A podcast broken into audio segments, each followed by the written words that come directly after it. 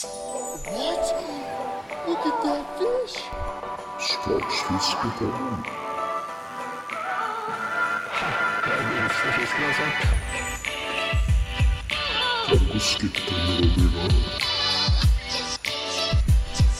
Fiskehavet, det er helt borte. Ja. Velkommen. Du hører nå på Sportsfiskepodden, og mitt navn er Sondre Brehan. Og mitt er Johan Magerød. Det er så bra at dere ikke er live. Jepsi pepsi, Johan. Ny uke. Det Ikke det. holdt på å si ikke en dag for tidlig. Nei, Det er det vel ikke heller? Nei. det er ikke det. En episode som ikke skal være på engelsk, så klarer kanskje jeg å si noe. En episode som ikke skal være på engelsk, og som ikke handler om eh, predatorfisk. Eller ja, predator, predator. Men det er i hvert fall ikke, det er ikke vårt felt. Nei, det gjør det så absolutt ikke. Men eh, mer om det senere. Um, som forrige gang så starter vi nå og bare måtte, Vi må bare takke dere flotte patrions.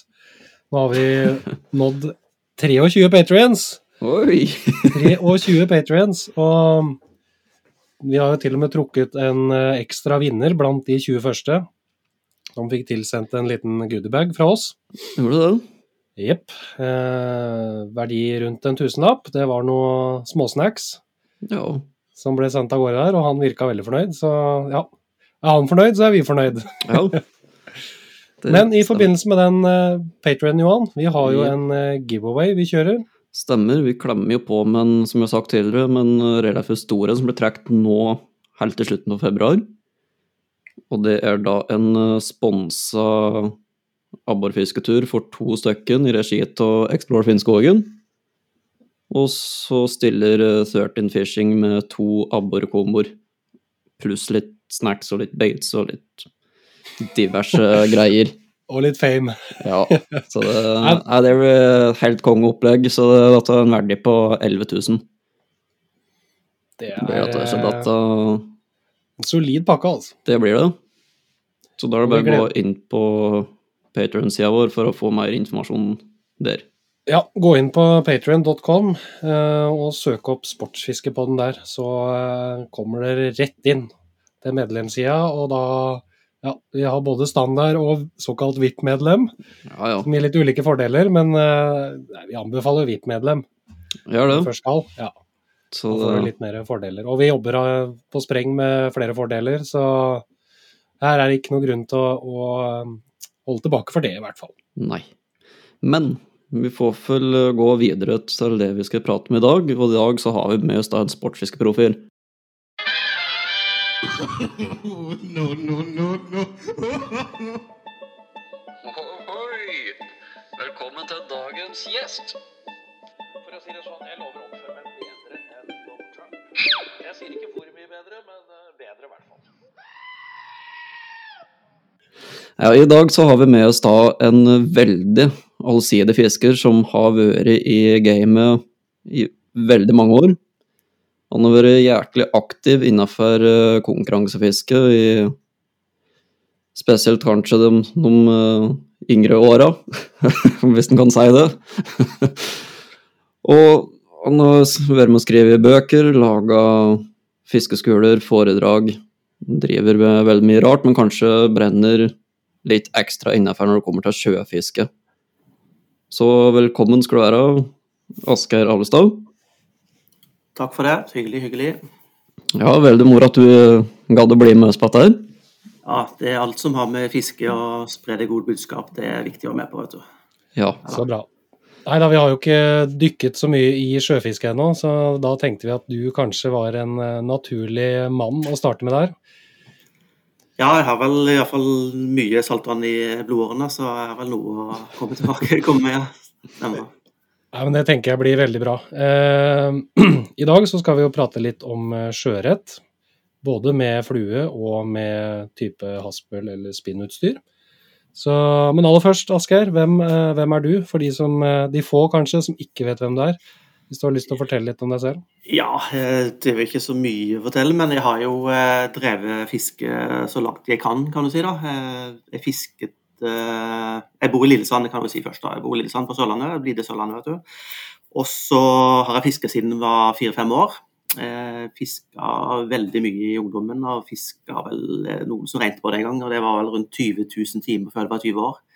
Så det har blitt en del av min, eh, ja, del av min utdannelse da, for å bli eh, så god som mulig da, på det jeg kan. Og satsa veldig hardt på å bli det. Og hatt det som jobb da, så lenge jeg har hatt jobb, så er det blitt innesportsfiske på et eller annet vis. da. Og nå jobber jeg for eh, eh, verdens største fiskeutstyrskonsern, som er amerikanske Pure Fishing. og det er jo litt min sånn fotballproff eh, eh, det her da, å kunne jobbe med hobbyen sin. Det er jo en drøm for mange, og det, det har jeg klart å få til. og Det er jeg veldig glad for.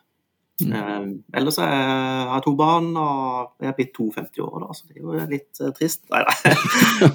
Halvparten igjen. Eh, mange fisk å fange fortsatt. så men som du sier også, jeg har vært med på mye spennende. og En del av min, det som jeg syns er artigst, er å lære bort fiske. da. Jeg har en, en av Norges største fiskeblogger da, med over 100 000 følgere der. og ja, Lager filmer og mye kursing og foredrag. og ja, Skriver litt bøker, som du har sagt. Og, ja, det, det stort, dreier seg stort sett om fiske når jeg har tid til det. Nei, det er jo som du sier, det er nok alles drøm, det du, det du driver med der, altså. Ja, Som det vi skal prate om i dag, da, så er det jo da sjøørreten. Og det Åssen forhold har du egentlig til sjøørret, da? Åssen har du begynt med det? Sjøørret eh, er jo litt sånn, har litt, hatt litt sånn eh, ekstra glorie rundt seg. Det er jo en litt spennende fisk og veldig flott fisk å se på. Jeg husker jeg begynte egentlig å fiske sjøørret sånn i slutten av tenårene. Da var det en eh, lokal helt Geir Grefstad som tok meg med. Da begynte jeg å jobbe så vidt i noen fiskebutikker og syntes det var veldig spennende. Han tok meg med ut på sjøen eh, hvor vi tok en liten kajakk ut på en holme og så fiska litt om kvelden og nattestid om sommeren. Og, og jeg brukte, som jeg pleier å si på, også på foredragene mine, at da pleier jeg, jeg brukte en hel sommer på å få min første sjøørret. Og det er litt sånn som jeg, vi kommer tilbake til mange ganger her i dag, altså, at, eh, at det er mange ting du må gjøre riktig samtidig. For du kan lese at du skal gjøre sånn og du skal sånn, men det er mange ting som må, må pares samtidig her for at du skal lykkes. Jeg brukte ganske lang tid på å, å få min første sjøørret, men da det først løsnet, da, så begynte jeg å bruke litt eh, tankegang på å finne ut hva som gjorde at jeg lykkes og ikke lykkes. Og, og etter det så har det blitt eh, mange tusen sjøørret og, og, en god del over tre kilo også. Så, så det er litt sånn eh, en fisk som er litt eh, mystisk og litt vanskelig, men samtidig så, så kan det være ganske enkelt da, hvis du bare gjør det du hører i kveld. Nei, det er bra. Her kommer det helt sikkert masse gode tips og triks og tanker rundt taktikk og lurevalg som vil hjelpe dere til å fange mer sjøørret, i hvert fall. Så, men våren, Asgeir. Våren og sjøørret, det er jo gjerne to ord som hører sammen eh, Ja. i den sammenheng. Ingen tvil om at våren er høysesong. Ja. Eh, På hvilken måte da? Nei, Det er jo da sjøørreten er lettest å fanges, eh, fange, og den er også lettest å, å finne. Det er jo sånn at eh, jeg fisker jo sjøørret hele året, men våren er det uten tvil den, eh, den tiden du lettest kommer i kontakt med sjøørreten. Og det har jo litt med at den har vært igjen eh, mesteparten har vært oppe og gytt sånn i senhøstes, oppe i bekker og elver og sånne ting, og så trekker han ut da sen vinter, tidlig vår, og da er den jo veldig sulten da. Da er den sånn at den skal feite seg opp etter en mager vinter i brakkvann- fastlandsområdene. Og da, da er den lett å fange. Og da er den også, søker den veldig tydelig etter de varmeste områdene. eh, Og gjerne innerskjærs, innerst i bukter og sånne ting. Og det passer jo vi lett eh, finner han tidlig på året, da. Og Det er rett og, slett lettere å komme i kontakt med, da, og Ja. er mer på matsøk. Ja, han er det. Han er ordentlig eh, hissig og ikke så vanskelig. eh, Lite selektiv, som kan si. At han spiser det han kommer over. Og, og samles da ofte i de sydvendte buktene hvor vannet er litt varmere, og gjerne ja, lett tilgjengelige plasser for folk flest. da. Så er det gjerne sånn at den biter eh, gjerne på dagtid om, om vinter og vår. Um, og Det er litt av de viktigste tingene jeg skal tenke på som sjøørretfisker. Er at en skal tenke at sjøørreten har en trivseltemperatur på 8-10-11-12 grader. Altså sånn rundt 10 grader, pleier jeg å si da. Og det vil si at Er det kaldere enn 10 grader, så søker han ofte de litt varmere stedene. Og er der eh, om sommeren, så velger han de litt kjølige eh, stedene. Så han trekker seg mot de områdene hvor det er varmest tidlig vår. Og Det er ofte der sola har stått på, f.eks. Og da bruker vi faktisk eh, å, å se etter sydvendte bukter og lete oss frem til de da. Der er sjøørreten mest aktiv. Ikke sant. Og du bruker vel eh, det mesteparten av din tid på sjøørretfiske på Sørlandet, gjør du ikke det? Jo, jeg gjør det, men jeg har reist ganske mye år da, og fiska helt fra Nord-Norge og på Østlandet, men også ganske mye i Danmark. da. Eh, Mm. På Bornholm og Fyn og ja, Ebeltoff, Mange av de kjente plassene i, Danmark. Eh, Også oppe i Åland har vært fiska sjøørret. Så, så har det vært en, eh, 20-30 turer til Danmark og fiske også. Så det, og det er fordi at eh, det er jo enda litt tidligere enn oss, og det er ofte litt større fisk og, og enda mer fokus på sjøørret enn det vi, det vi har her, da. Ja, for det var det jeg tenkte på. Når, når er det ditt sjøørretfiske på Sørlandet begynner, hvis du skal sette en sånn generell Ja, det er jo helt, helt avhengig av vinteren, da. Eh, akkurat nå så har det vært en kald vinter, og da er jo alle de beste plassene frossen til. For nå er det jo eh, 30 cm is eh, inne i de buktene og de vikene og de innerste fjordene. Og da er det ikke så lett å komme til. Du kan selvfølgelig fiske litt fra isen og sånne ting, men, eh, men eh, i fjor så var det jo vår i februar, og da begynte det i februar. Så det er litt akkurat når isen går, er det jo kanskje den beste tida, da. Da, da har du ingen, ingen vært og fiska på stedet før. Så, så vi begynner så tidlig som mulig på et vis. da. Og I helt grønne vinteren så kan en begynne i romjula, liksom. Kult. Da blir det en ganske lang sesong òg, da. Det blir det. eh, Og det er jo en av de artigste tingene at du kan fiske tidlig vår eh, før det er så mye annet som er interessant. Så, så det er en veldig fin ting at du kan fiske sjøørret hele året. Men det er også en kode å knekke der, altså, for du kan ikke stå på samme plassen hele året ditt. Du må flytte deg etter fisken. Og vi kan jo ta det med en gang, at fisken, den, den, er- Nå leter vi etter de sydvendte buktene sånn tidlig på året. Vinteren så er det veldig nøye. Da er det eh, absolutt Er det én eller to grader mer, så er det det der fisk, og der fisken er aktiv. Litt utpå våren så flytter fisken seg litt ut i kystområdene, og da er det ofte sund og fjorder og sånne ting som er best. Og midt på sommeren så fisker gjerne eh, ute på de ytterste skjærene og det vi kaller eh, helt ute i havet, nesten. da. Eh, og så trekker han inn om høsten igjen, og så går det en sånn sirkel. da, så du må alltid følge fisken da, for å få eh, godt utbytte av skjørtfiske. Mm. Hva vil du si er den typiske plassen nå, slik mars-april måned, når Ja, vi kommer du- dit? Ja, hvis du tenker at du har jo liksom fisk, tenkt at fisken den siger ut og tilbake igjen på et vis for å få nok næring, så, så våren så er det Du har liksom fiskeområdet, vil jeg si, som er eh, Vinteren er det helt inne i, i brakkvannsområdene og i, i sydvendte bukter og sånne ting. Våren så er det litt ut i litt strømsatte sund på vei ut i fjorden, og sommeren så er det så helt ute i havet. Men så har du også standplassen da, eh, på de områdene. Og vår er det ofte da de her buktene som er da ofte kommer da litt børstemark, litt mudderbunn, litt leopardbunn hvor det er mye reker og mye småfisk og sånt som de jager. Eh, Strømsatte sund og sånne ting er også våre, våre gode- våre plasser da. Eh, Sommerstid så er det igjen da eh, litt mer eh, utaskjærs hvor det er litt mer fisk som, som sjøørreten jager da. Men det varierer litt med hvor du er i landet også. Ja, ikke sant. Ja. Hvis du skal trekke fram ett byttedyr som liksom er det du forbinder med våren og sjøørretfiske, er det da børstemark? Eh, Ikke nødvendigvis. Børstemarken er jo en sånn, kommer et par-tre runder, litt avhengig av flere varianter av de.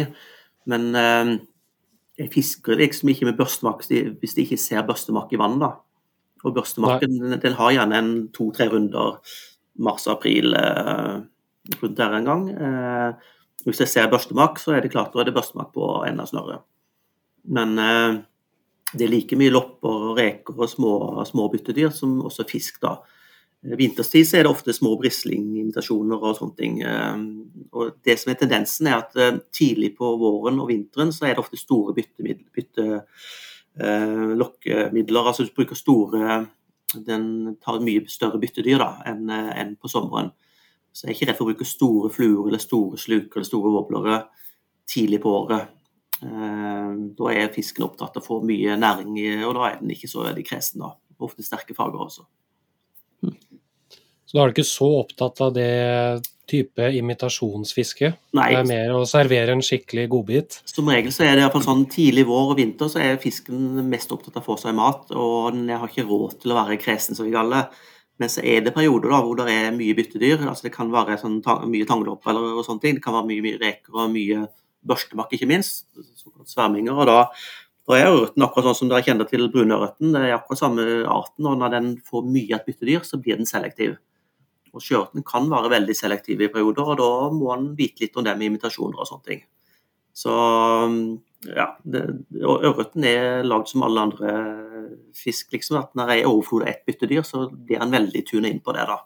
Og da må en Mm. vite litt hva fisken spiser. Ja, vi opplevde jo det når vi fiska en del eh, når vi gikk på Sportfiskeland sine oppe i Grong. Da var det jo mysis gjerne, Ja, tidlig vinter, og det, ja, den ble jo helt fiksert på det til tider. ja da, og da er det ikke så lett å få fisk på andre ting. da, så det er Nei, det greit å vite litt om det. Og det gjelder jo egentlig andre arter også, og ikke minst brunørten, da, som, eh, som vi kjenner. Jo, i forhold til eh, Vi prater jo om plasser, da er det jo marebanker, litt leopardbud, men noe annet av strukturer og sånne ting er det å tenke på? Ja, det du kaller vi kaller det marbakker eller målbakker, eller hva det kalles for noe. Det er jo en typisk god eh, kjøreplass. Eh, Du har så selvfølgelig odder. Eh, Jeg ser alltid etter eh, type eh, strukturer, steiner. Det kan være eh, det vi kaller badekar, altså fordypninger. Hvis du har en stor sandstrand, så går jeg etter de mørke, som er litt mørkegrønne. Det er fordypninger. Og der er det jo da der samles av små reker og bytter nede, der vet jo sjøørreten. Eh, Og på leopardbunnen og sånn, så er det de mørke flekkene der står sjøørreten. Så jeg er veldig opptatt av å fiske på de her eh, standplassene. Eh, Om det er en stein eller om det er en kant eller hva som helst, så er det veldig viktig, da. Noen har lært seg at de skal kaste i vifteform, da. Men da er det jo som å stå og skyte inn i skogen med en hagle, liksom. Du, du fisker ikke noe effektivt på fisken. Så, så det å finne de her standplassene er veldig viktig å fiske ute i. da. Mm. Og gjerne legge et spinnstopp akkurat over de osv. Istedenfor å bare kaste helt tilfeldig. Eh, Noen ganger så må du for du er kjent, men eh, jeg bruker veldig mye tid på, på flyfoto og sånne ting for å finne de her standplassene. Og de ser du jo da med polaroidbriller, selvfølgelig. Mm. Så det blir det my mye brukt av flyfotokart og dybdekart og internettsøk først, Ja. rett og slett, når du kommer til nye plasser og skal leite det. Det er det faktisk, og, Mm. og det er jo litt av clouet her. da, Det er også å finne sine egne plasser. Eh, Sånn som her i Lillesand eller på Sørlandet generelt, så er det egentlig kjøret i hver bukt. Eh, Mm. Men du må finne standplassene. Eh, Det er mange som tror at bare der er det kjørt eller der, men jeg bruker mye tid om nettene og lyser med lys etter piggvare, sletter og sånne ting, og da ser jeg kjøret overalt. da. Eh, En flytter selvfølgelig, er mer aktiv om natta om sommeren og sånn, men, men det er sjøørret. Det gjelder bare å fiske effektivt på de da. Mm. Så, så en overrasker hvor mye ørret som finnes. Eh, Det er jo ikke alltid de tar like godt, da, men, men det å bruke, eh, bruke flyfoto Vi har jo den fiskeherappen som vi har lansert nå, og der har vi de beste flyfotene. Og der, ja, uansett hvor du skal fiske, så er det først inn på den. Og da kan du også se eh, den bukta du skal ned i før du går ut av bilen, omtrent. Og Der får du vel til og med markert områder òg, etter arter, gjør du ikke det? F.eks. sjøørret? Vi har markert 4500 plasser i Norge på sjøørret. Eh, og da er det jo akkurat det vi går etter på standplasser og litt større områder hvor du kan fiske. Men også lagt inn både vår og sommer og høst- og vinterplasser, sånn at du får eh, mange plasser å velge på i hvert eneste distrikt. Så eh, uansett hvor du bor i landet, så har du masse gode kjøreplasser rundt deg rett på utsiden. Og det er veldig hyggelig når du får tilbakemeldinger hvor og gjerne altså, fra ei dame i Søgne som uh, fant ut at hun hadde en kjøreplass rett på neset i huset. Uh, og fikk tre ørreter på en kveld og aldri fått en sjøørret før. Så sånn, og det viser jo at liksom det, du, du har troa på det, og da er det jo, uh, det er jo en, en god gjennomført bakgrunn på at her er det en, en god kjøreplass. Det har med hvor langt det er fra elver og bekkeløp, og det, og det, ja, det er utrolig mye gode kjøreplasser da, hvis du bare tenker litt annerledes. Kult. Nei, der er det jo et skikkelig gulltips da, til dere som hører på. første dere gjør, det er å laste ned og, og kjøpe den appen der, altså. Det tror jeg er et uh, vanvittig bra hjelpemiddel. Ja, og så er det litt det at når du vet hvor sjøørreten er, for jeg garanterer at det er sjøørret i de feltene, så, så er det litt enklere for fisker. Du har mer troen når du liksom vet at nå er det iallfall ikke det det, det, stopper, da. Fisker Fisker du på feil pass, så får du ikke fisk. Nei, ikke sant, det er noe med det. Mm. Men eh, på våren har du da noen faste plasser som du på en måte rullerer på gjennom, eller liker du alltid å prøve å finne nye plasser? Nei, Det er begge deler, da. Hvis jeg skal ha litt kort tur bare for å få lufte seg litt, så går jeg på en plass som jeg vet er ganske bankers. Der vet jeg der er det sjøørret. Ikke hver gang jeg får den, men der er det sjøørret. Og så er det jo av litt bedre tid, så prøver jeg å finne nye plasser. Og nå er jeg jo så godt kjent der nede etter hvert at, eh, at jeg vet jo at, eh, at nesten uansett hvor du går hen, så er det muligheter å få, få en sjøørret hvis du i hvert fall har de rette biotopene i bakhånden der. Så jeg gjør begge deler, da. eh, Og liker å fiske nye steder, selvfølgelig. Og det, er- og det er jo sånn at det er jo tusenvis av plasser, og det er jo bare de veldig veldig få som er veldig sånn kjente, populære kjøreplasser. Så det er enormt muligheter for de som har litt uh, lyst til å finne ut uh, finne sine egne plasser, da. Man rekker rett og slett ikke å prøve alt, da. Nei, det er jo det, men det er jo eh, litt sånn feil at alle går i fotsporene til et eller annet. Eh, Ja. Men det, det, her er det enormt med plasser, altså. Det er, I Norge så er vi heldige at det er plass til alle, da. Ja da, vi har en lang eh, kystlinje, det er Ja, helt sikkert. Enormt. Mm.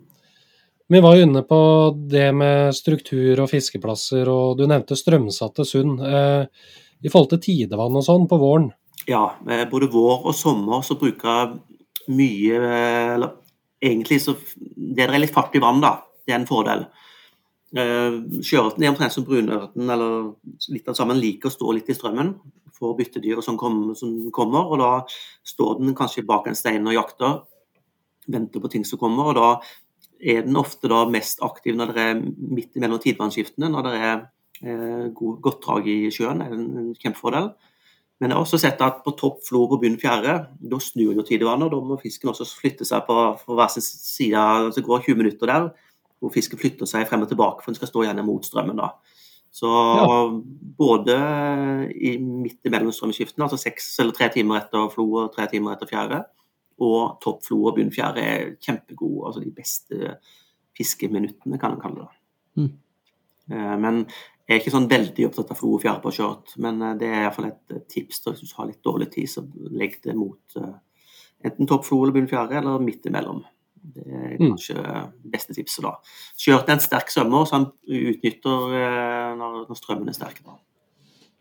Er det noen andre forhold du tenker på når du skal ut og fiske sjøørret på våren? Er det en spesifikk værtype du ønsker?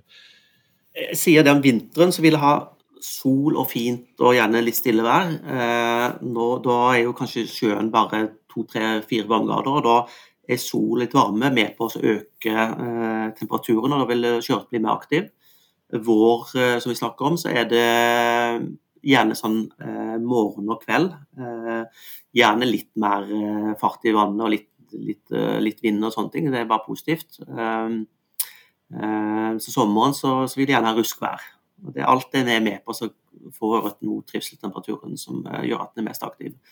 Så det er litt avhengig av årstid også, men eh, jeg er ikke sånn kjempeopptatt av været heller. Eh, Men sånn smellfint stille vær kan være vanskelig hvis det begynner å i hvert fall bli senvår da, og sommer. Så det er egentlig bare å legge timene som er eller hovedtingen her, og på de rette plassene. Det er alltid det sånn det er. Du må komme ut når du har sjans, så kan du heller skylde på været i etterkant. Men eh, brakkvann, Ja, noe rundt eh, det, for her òg er det jo litt uh, forskjellige ting å kanskje kunne tenke på. Ja, det er jo selvfølgelig det. For da jeg snakker om brakkvann her i, i starten, så var det jo selvfølgelig mer enn 100 meter fra det vi kaller utløpssonen. Og det er det også i fiskerappen, så vi merker de, de utløpene som er 100 meters sone på. da, Så du må fiske 100 meter fra elveutløpene. Så det er litt lokale regler som man følger med på også, hvis du fisker i år der. Men det er jo sånn midt på det kaldeste, sånn som nå, hvis vi skal fiske nå, så vil ofte ørreten være helt i brakkvannsområdene. Og det kan være ganske store deler av fjorden, faktisk. Og, og sjøørreten trekker litt eh, inn i brakkvannsområdene om vinteren. Eller så trekker den litt dypere. Eh, for den liker ikke når det er vann er kanskje én eller to grader. Da vil den ha litt varmere vann, eller litt eh, mer ferskvann i vannet da, for å klare seg godt. Mm. Eh, men brakkvannsområdene er veldig gode områder vinter og tidlig vår. Der er mye næring og smådyr og sånt som man kan feite seg litt opp på. Men om sommeren så er det for lite. altså Da er det mer mat for ørreten ute, ute mot åpent hav. Så det er nok en av grunnene til at sjøørreten flytter seg utover da, så fort den kan om våren. da. Stemmer. Men uh, etter han liksom har funnet seg plassen han vil være og prøve å teste ut, så må vi ha noe utstyr. Ja. En ting jeg har bare lyst til å si først. fordi at eh, Det som er viktig også i forhold til det med temperatur og årstid, sånn, det altså å fiske de her lokkemidlene inn, eller flua eller hva som helst, er litt sånn forskjellig hus- hurtighet i forhold til eh, temperaturen i vannet. Og Det er ganske også viktig for å lykkes. og det er Om vinteren så bruker en veldig sen inntrekk eller veldig rolig eh, fart på lokkemidlene. Mens om sommeren så bruker jeg veldig stor fart. Eh, hvis du tenker at du dorger, da, så er, om sommeren så kan du godt dorge tre-fire knop, mens om vinteren så er det sånn der ro fart. Og Det har litt med at sjøørreten den, den eh, bruker ikke masse energi på ting som den ikke i hvert fall ikke iskaldt vann. Eh, og om sommeren så er ofte det med bevegelse, fart og, og stimulere silingen til fisken er veldig, veldig bra for at ørreten skal hugge. da. Eh, vår og høst så er det litt, sånn, litt avhengig av dagen, da. Eh, hva som fisker bra. Men da ørreten er jo rask, så du trenger ikke være sånn kjempenøye på det. Men skal jeg fiske sjøørret eh, tidlig, tidlig vår, så vil jeg ha kjørt veldig, veldig rolig, eh, sånn at sjøørreten gidder å ta, for å si sånn. da. Mm. Mm. Og så er det som vi snakker om at dagtid gjerne på, på midt på vinteren, men nattestid om sommeren og gjerne så, morgen og kveld, da, vår og, og høst. Sånn generelt, da. Men det er ingen regel uten unntak, selvfølgelig. Selvfølgelig. Nei da. Men eh, ja, utstyr. Ja. Eh, flue Altså, vi har jo to hovedtyper. Det er jo flue og type spinn-haspelutstyr. Mm. Eh, hvis vi kan gå inn på flue først, hva er, hva er da utstyr du tar med deg når du skal ut og fiske sjøørret på våren med flue? Standardutrustning der er en klasse 7-utrustning, da. Eh, Jeg har vel tendens til å gå ned i rundt seks også, da, hvis det har det. Det er ganske likt uansett. Men et, eh, en seks- eller syverstang eh, ja, et vanlig vevsnøre. eh, Og det er for at det skal være enkelt å holde på med. Eh, Hvis du har en skyteline som trekker ned og synker og henger seg fast i tang og stein hele tiden, så det ødelegger det mye fiske. da. Og du må ikke alltid hive 30 meter, liksom. Så et vanlig standard vevsnøre. Eh, Jeg bruker et eh, hurtigsynksnøre på vinteren, intermediate eh, vår-høst, og så bruker jeg flyt om sommeren som regel. Og det har litt med, om, om sommeren så fisker jeg på kanskje på en halvmeter dyp ute på nattestid, og da er et flytesnøre best og slipper å hooke i bunnen på alt mulig rart. Mens litt grann er nå rundt ti grader når det er vår, er kanskje beste, men du bør egentlig ha litt forskjellig her, altså. Det Mm. finnes jo løsninger du kan skifte de her eh, spolene på snell fort videre, men et vanlig vevsnøre da i, i både synk og flyt og intermediate er nok kjekt å ha eh, etter hvert, iallfall. da. Skal du ha ett snøre, så er det intermediate. Da Da kan du også klare det. Men du fisker mer effektivt eh, hvis ørreten står på tre-fire meters dyp på vinteren med et synkesnøre, selvfølgelig. Ja. Mm. Eh, fortommer og sånn, da? Ja. Liker du å kjøre lang fortom, eller? Nei, eh, det er noen ganger hvor du skal kanskje fiske med de her eh, vi snakker om de her små nymfene og marflo, eller i hvert fall eh, de her eh, tangloppene og sånn. Da bruker jeg kanskje en halvannen stanglengde og en veldig tynn fortom helt ned i 18 og 15 og sånn, for å få den lille nymfa ned i de hullene eller de badekarene. Eh, Men generelt så er en stanglengde mm, 0,25 fluokarbonspiss, eh, kanskje enda litt mer, så, så er funker det greit. Eh, Det som er viktig, er å ikke kaste over fisken hele tiden i kveld. Det er jo det som mange gjør feil. at kaste, Første kastet skal være 25 meter. Og da har du Mm. skremt 25 meter med fisk, som jeg pleier å si. Eh, I stedet for at den flua skal lande i det badekaret eller skal lande i den der eh, mørke flekken på leopardbunnen eller bak den steinen. Det er jo det som er viktig her i kveld. Ikke sant? Ja. Men i enden av fortommen så må man jo ha noen fluer. Kan du trekke fram Vi sier, vi sier tre fluer, da, som Ja. er dine go to-fluer på våren. Ja, jeg vil si fire fluer, og da er jeg ikke så Ja. veldig opptatt av, uh, av hva de heter og alt mulig sånn, men, eh, men det er liksom uh, uh, Det er en tangloppe, da. En liten sånn kobbertass-type. altså Ganske liten, som synker litt fort, som kan være effektivt nede der. Og så er det en rekeimitasjon. eh, ja, om den er naturlig brun, eller om den kan være rosa eller uh, mintgrønn, liksom. Det kan godt være litt hipp som happ, Og så er det en fiskeimitasjon. Uh, tidlig på året bruker jeg sånn volleybugger, altså sånn eh, marabu mybeliv mye liv, med kuleøyer for å komme ned. Gjerne hvit, oransje, eh, rosa. Eh, og så er det jo børstemakken du må ha i bakhånden. Så de, de går på bytte eh, ja, byttedyrene som sjøørreten spiser. Det er jo sikkert 90% av den spiser, er jo de fire forskjellige byttedyrene. Og når er fiskeinvitasjoner, så kan det godt være litt store fluer med gjerne litt sølv og sånn, som ligner på en liten brisling eller en kutling eller et eller annet. Så det går mye på, på invitasjon, men ikke nødvendigvis det med at de skal se akkurat nøyaktig ut i fargen. da. Eh, erfaringen er også at eh, tidlig på vår og sånne ting, så, så er ofte sterkere farger eh, best. Det vi kaller reklameplakat. Da skal bare fisken feites opp, og da tar den ofte det som ser lettest. Mens om sommeren så er den mer selektiv, og i perioder også over våren. selvfølgelig. Da er det jo mer invitasjonsfag, og da, er Det jo jo olivenbrunt og sånne ting. Mm. Der har du et komplett eh, sjøørretsett, med flue i hvert fall. Ja, Og så har vi jo haspelutstyr. Ja. Da er det jo litt det samme sånn ja, eh, Fisker du fra båt, og sånn, så har du ofte litt korte stenger, 7-8 steng- 7-8 fot. Skal du på en strand i Danmark, så er det gjerne 10-11 fot. Men du havner ofte på en 9 fot da, midt imellom, sånn kompromiss der. Eh, 7-28 gram, 5-15, nei 5-20, altså lett fiske, medium fiske. eh, Litt spørsmål jeg skal kombinere med. da. Eh, bruker alltid multifilament, eh, type fireline, og så har jeg en fortom med flue og karbon gjerne den siste meteren. da. Eh, Og Det er for å kunne ha litt ekstra å gå på der nede, og at alt er helt usynlig. og ja, Føle at det er liksom det riktige. da. Eh, Så Der har du en god sånn to eller tre størrelse haspelsnelle. Kan fiske lett. Jeg kan, kan egentlig fiske med det samme som du fisker med i ferskvann etter ørreten. altså. Eh, Unntatt alt, for ultralette. da. Det er sjelden vi får fisk opp i over to kilo, i hvert fall, da, og da klarer du det lett med et lett utstyr. da. Det som er viktig, er at stanga de matcher de slukene du skal kaste. stort sett.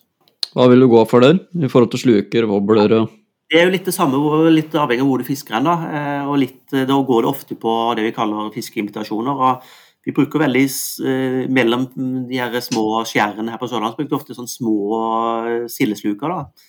Eh, noe som heter fastcast, altså 10-12 gram, som du kan komme ned imellom der. Eh, er på sandstrand nede i, utenfor eh, Farsten Flekkefjord ute i Lindesnes der, så bruker jeg ofte lange kystwoblere.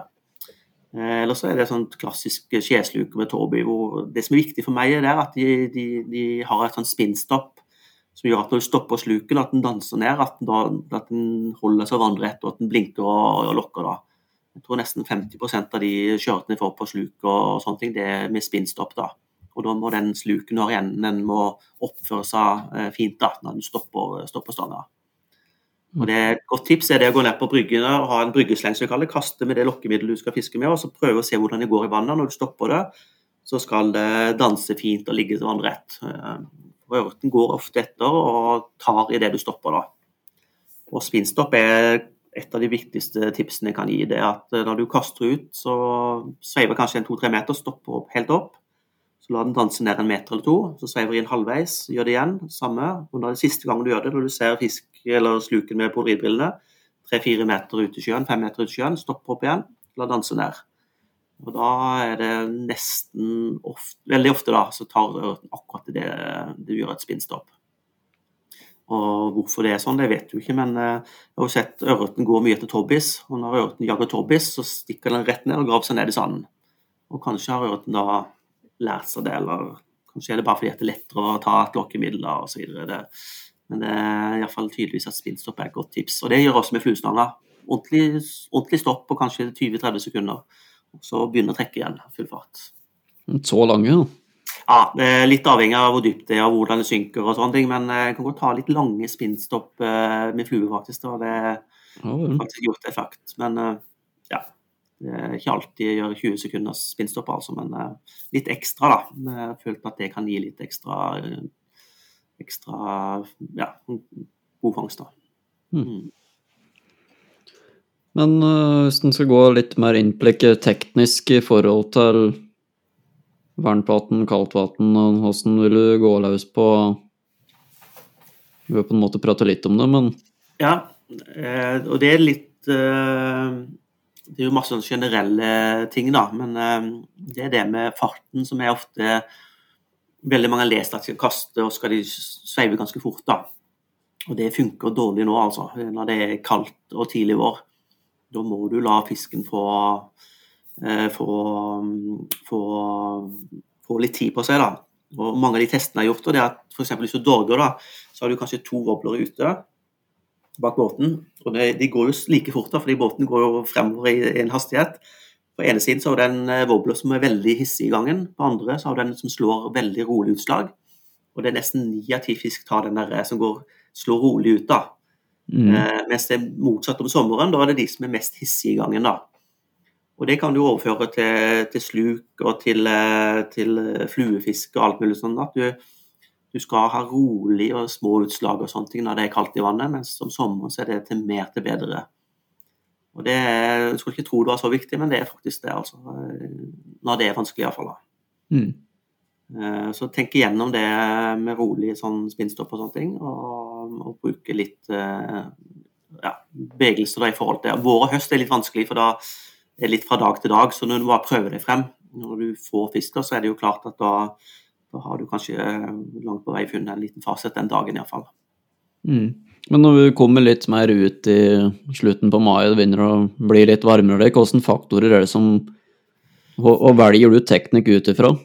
Ja, eh, Først må du finne fisken, og da er det litt vanskelig, for da er den på vei utover. Og, og sånne ting, og da begynner jo det tidlig morgenfiske og kveldsfiske. Det virker som fisken er mest aktiv da. Og Det har jo med at eh, det er jo, det er jo en rovfisk her på et vis, og da, da bruker en litt eh, lave lyset til å jakte og være litt mest aktiv da. Eh, og da gjelder det å variere mest mulig da, når det er vår og høst. Eh, eh, sommeren så er det jo eh, mye nattestid, da, og da ser jeg ørten stå bare på 20 cm vann helt opp under steinene og sånne ting. Nesten kaste på land for å få den. da. Eh, og den jager helt inne, helt inne i steinene. Eh, så da må du ha flyteline og noe som er helt til overflaten, ellers så har du et problem med nattestid. da. Med at du setter litt fast. Men tar du med både flue og haspelutstyr når du er ute på sjøørretfisket ditt? Ja, jeg gjør som regel det. Eh, og det som jeg sier at eh, hvis du skal fiske over et område som ikke er så kjent, så vil nok eh, slukfiskeren ha en liten fordel, for du kaster mye lenger og du fisker mer effektivt over et større område. Men hvis du vet hvor fisken står, så er flue best. Eh, det er jo ingen fisk som spiser metall, så, så ofte da så, så, er flua den som presenterer likest eh, lokke- eller byttemiddelet til fisken. Og hvis du vet en sjøørret står bak en stein, så ville jeg absolutt valgt flue først. da. En flue du kan danse rett over, og som ligner mer. og Også når fisken har tatt den i munnen, så vil den ligne mer på det fisken spiser. Eh, og da, da fisker det også best, som regel. da. Hvis den ikke har fluestang, så kan man kanskje gå for slik som bombarda-utstyr og, og den Ja. slags, da. Helt klart, det er jo Ja. absolutt mulig, og det gjelder også børstemarkfiske i kveld, hvor du kan bruke sånn gullmark eller en, eller en børstemarkflue eh, bak en bombada. Eh, og det er et godt tips også faktisk det å ha, en, eh, en, ha fluer foran bombardene. Spesielt om, om våren, eh, hvor du skal fiske skal fiske og bli helt grunneste stedene. De kaster bombardene ut, og så drar fluene over fisken først. da. Men nå har vi liksom da gått gjennom litt av både spinnfiske, fluefiske, bombarda. Men så er det liksom vadefiske kontra spinnfiske fra båt eller fluefiske fra båt eller noe. Hvilke fordeler tror du det vil være med båt? Det, er jo, det er jo helt klart eh, der vi har mest å hente, tror jeg. Altså. Jeg var som sagt oppe i Åland eh, for noen del år siden, og der var det jo alltid det å stå og kaste fra båt inn mot land osv. Og det er klart du eh, har en båt, så kan du komme deg rundt veldig kjapt eh, på masse eh, sjøørretbiotoper. Man fisker 10-20 bukter på en time eller to, istedenfor å flytte langs land eller kjøre bil og stoppe og kaste. Ikke? sant? Så det å fiske fra en, en litt mindre båt, eh, gjerne med en helt moderne sånn elmotor i front, og sånn, så er det et fiske som er veldig effektivt. Det er litt sånn vi gjør også på havboen her. at vi, vi, vi bruker båten, kaster inn i buktene, finner stand, standstedene og så fisker effektivt der. Eh, Det er klart det, det er effektivt å, å kunne flytte seg på sjøen eh, fra, fra fiskested til fiskested. Eh, andre ganger så kan du selvfølgelig vade, men da er det jo inne i bukta. da, Det tar litt tid å flytte seg osv. Men, men jeg tror nok det er det som kommer til å bli mest populært fremme nå. Det er å ha seg en liten båt du kan farte rundt, og ikke minst komme seg ut på de her små øyene og, og sånn litt ut ifra der alle står og fisker. da. Det kan være en kjempegodt tips. Mm. Ja, for det er et ganske uoppdaga, et sånt uoppdaga felt, virker det som for veldig mange. Det er ikke så veldig mange som fisker sjøørret fra båt, har jeg inntrykk av, ennå i hvert fall. Nei, det er sant, men det tror jeg er fordi at ikke så veldig mange har eh, sånn båter til det, kan man si. da. Veldig mange Mm. de, de fisker fra, går fra land, og det er jo veldig fint, det. Men eh, det er klart etter hvert som så vil nok en del av de norske fiskene også oppdatere seg ganske mye på utstyret etter hvert. og det som å være i en båt på sjøen, det er klart det er, det er mye mer effektivt på mange vis. da. Ja, og Så nevnte du jo det med, med frontmontert elmotor, det er jo et stort pluss. Men en fordel kanskje med det båtfisket etter sjøørret er at du er ikke nødvendigvis avhengig av ekkolodd og sånn, eller bruker du det en del? Nei, veldig lite egentlig. Eh, Jeg dorger jo litt også, da. Og da er det klart, da er det jo ekkolodd for å finne de kantene og målbakkene og følge de og sånne ting. Men, men eh, du har jo sideskann og sånn, men det, for sjøørretfiske så er ikke det veldig effektivt. Eh, Da er det mer å så komme rolig inn i områdene og så, og så se, eh, gjerne med lys i ryggen, da, og så kaste over og se steinene, se ålegresset og, og se kantene og sånn. Det er jo det som er effektivt, da. Å fiske av, eh, av området. Ja, det høres jo forferdelig artig ut, altså. Jeg har ikke prøvd Ja, fra båt før, Slipp å stå der å fryse altså vadebuksen og Ja, ja, styre ja. og drive med det. Ja, Ja. Jeg har eh, tre båter, jeg, og eh, de bruker jeg her hele tiden. og Det å komme seg ut i påske for eksempel, og så fiske fra båt, det er, det, det er nummer én for meg, for meg altså. kult. Ja, men da må vi sjøsette båtene våre òg, da. Johannes. Spørs nok, da. Nok av båtramper rundt forbi. Uh, ja, da har vi jo tatt for oss uh, fordelene ved båt. Det er jo absolutt eh, noe flere av dere burde prøve, dere som hører på. Det høres jo supergøy ut. Eh, du Asgeir, du har også hatt et prosjekt eh, som heter Sjøørret Sørlandet. Vil du fortelle litt om det? Ja, det, det er litt interessant, for vi snakker jo mye om at vi har et veldig bra sjøørretfiske i Norge, og på Sørlandet spesielt, fordi vi har ikke så mye oppdrett og sånne ting. Men, eh, men det vi ser at dansken har jo gjort det her i 10-20 år. På Fyn alene så har jo sjøørretfisket de står for eh, 3,7 milliarder i omsetning. Altså med tilreisende eh, hundrevis av tusen som reiser dit for å fiske sjøørret. Og vi har jo gått ned til Danmark eh, og hatt med oss eh, kommunene her på Sørlandet. Arendal, Grimstad, eh, Lillesand, Froland, og, hatt, og lært at vi har næringssjefen er dit. Og vi har hatt kursing og, og sett hva de gjør der nede. og tenker nå etter hvert at vi kanskje kan få litt tilrettelagt enda bedre her nede. og Det vi begynner med, det er også å få gytebekkene våre opp og gå, så at de blir enda bedre. Det er jo bare en 5 eller 10 av gytebekkene her som er gjort noe skikkelig seriøst med. Ellers er de ofte gjengrodd og ja, påvirka av utbygginger og alt sånne ting. Så vi bruker mye tid på det nå, Vi til og med å ha barneskoler og skoler med oss til å ha sin egen, adoptere sin egen bekk og jobbe med den. Og Får vi opp sjøørretfisket til å bli enda bedre, så vil det da kanskje komme folk som har lyst til å komme hit på våren og fiske. Eh, og Vi er tilrettelagt nå med overnattingssteder, eh, altså det er lokale campingplasser og hoteller sånn som kan ha et fiskerom og tørke vader og sånne ting. Og så ha en overnatting, og så kan en guttegjeng eller jentegjeng for den skyld komme og fiske sjøørret om våren. For det er et helt fantastisk fiske. og, og Vi tar jo sjøørret over tre kilo hvert eneste år her. og Mye fisk. Eh, Du kan fange mange på en dag. Eh, Men det vi begynner med, som er viktig, og som vi vil frem til, at vi begynner først med altså å tilrettelegge enda bedre for sjøørreten. Og så er det en, kanskje da en, på lang sikt en liten turistnæring i det vi kaller skuldersesongen, altså utenom den der Sørlands dyreparksesongen. Det er jo et superbra initiativ, det her, altså. Ja, det er en vinn-vinn for alle, og det som er artig her, at her har vi med politikerne og, og kommunene fra starten av. I stedet for at det skal jobbes med en liten fiskeforening og slite ut eh, så på dugnad, så har vi faktisk fått midler og, og hjelp fra toppen her. Og det er veldig mange flinke folk i prosjektet som alle drar samme vei for å få et bærekraftig og grunn eh, næring, men at fokus på sjøørretfiske. Og vi er veldig opptatt av cash release og sånne ting. At det her, vi skal ikke ta og fange sjøørret for å fylle fryseboksen. Vi skal kanskje ta en matfisk en gang iblant. Og så er det her en, en, en, en hobby og en fritidsvekt som, som er med på at alle skal få et, få et bedre bruk av naturen.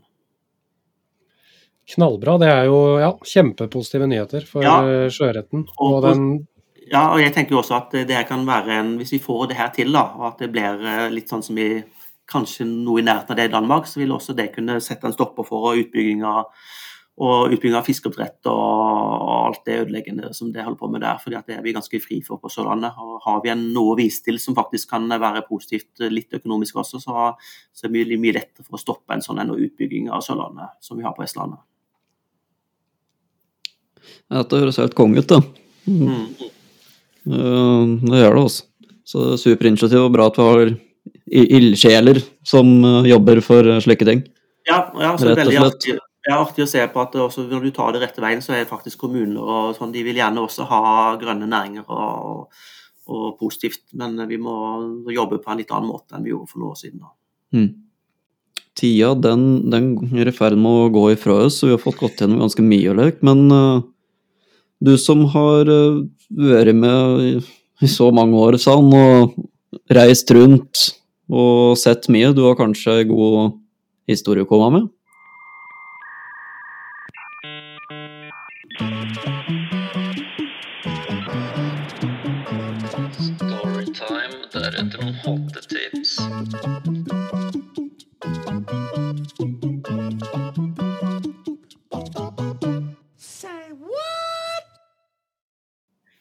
Fiskehistorier, fiskeskrønner, det er vel det vi, eh, vi lever på, nei da. Ja. Nei, altså jeg vet ikke. Det, det, det skjer så mye. Jeg har vært på masse rare reiser. Jeg har vært uh, 22 ganger på Cuba annet, og fiska veldig mye som bonefish og tarpon og sånne ting. Ja. Men jeg hadde vi en liten artig sak når vi var i Fyn og, og var nede og så på de danske sjøprosjektene. Så var vi lå på sånn en, et flott sånn, et slott, sånn gammelt sånn 1600-1700-tallsslott eh, hvor det var sånne engelske lorder tidligere og sånne ting. og det er en sånn vollgrav der, og der lå vi og fiska etter gjedde faktisk da, med fluestang i to, da to dager uten å få en gjedde. Men så satt vi der og koste oss, og fluestanga sto der, og sånn, så var vi, hadde vi en liten gin der, da. Så tenkte vi at her er gin, det var jo det engelskmennene drakk i gamle dager. og det vi gjorde, det var å dyppe den der eh, flua i gin.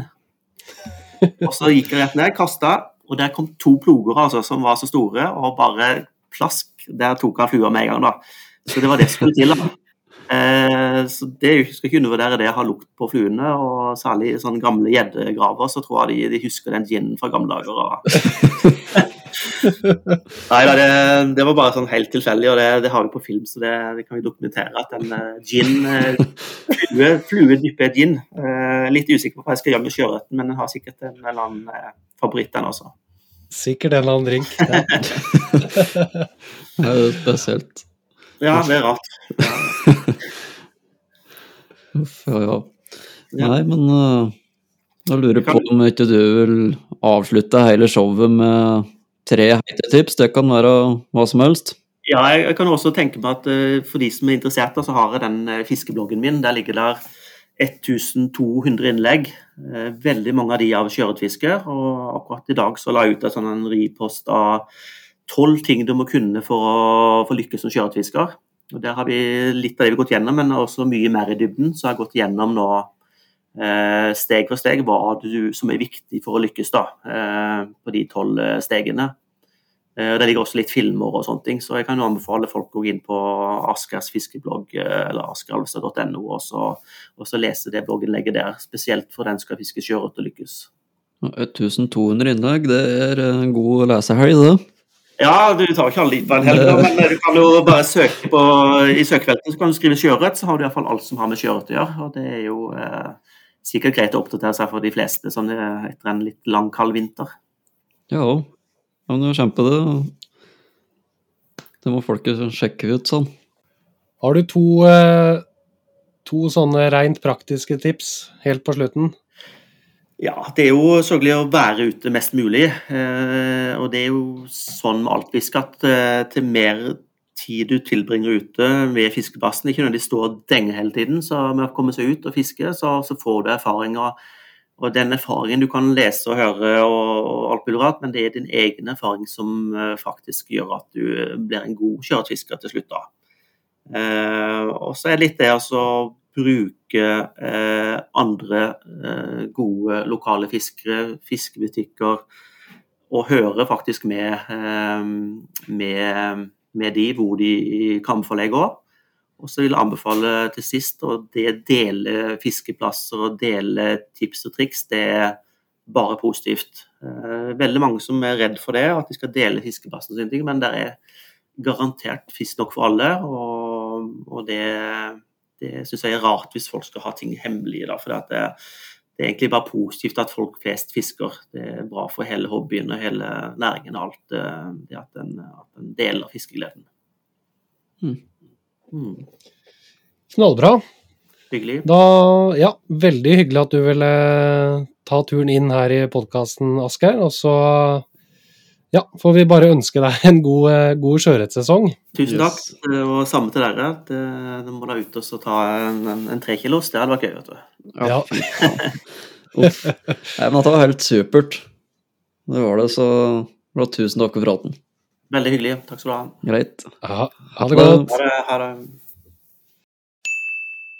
Bare en liten kjapp påminnelse. Sjekk ut Sportsfiskepoddens Patrion på patrion.com. Linken den finner du på Facebook og på Instagram. Da vil jeg bare avslutte med å takke dere lyttere for at dere hørte på denne episoden av Sportsfiskepodden. Og så håper vi at dere har lyst til å følge oss videre på denne reisen inn i sportsfiskeverden. Følg oss gjerne og rate oss på, på din podkast-app. Det blir vi veldig glad for. Og så er det alltid åpent og velkomment med tilbakemeldinger, ris og ros.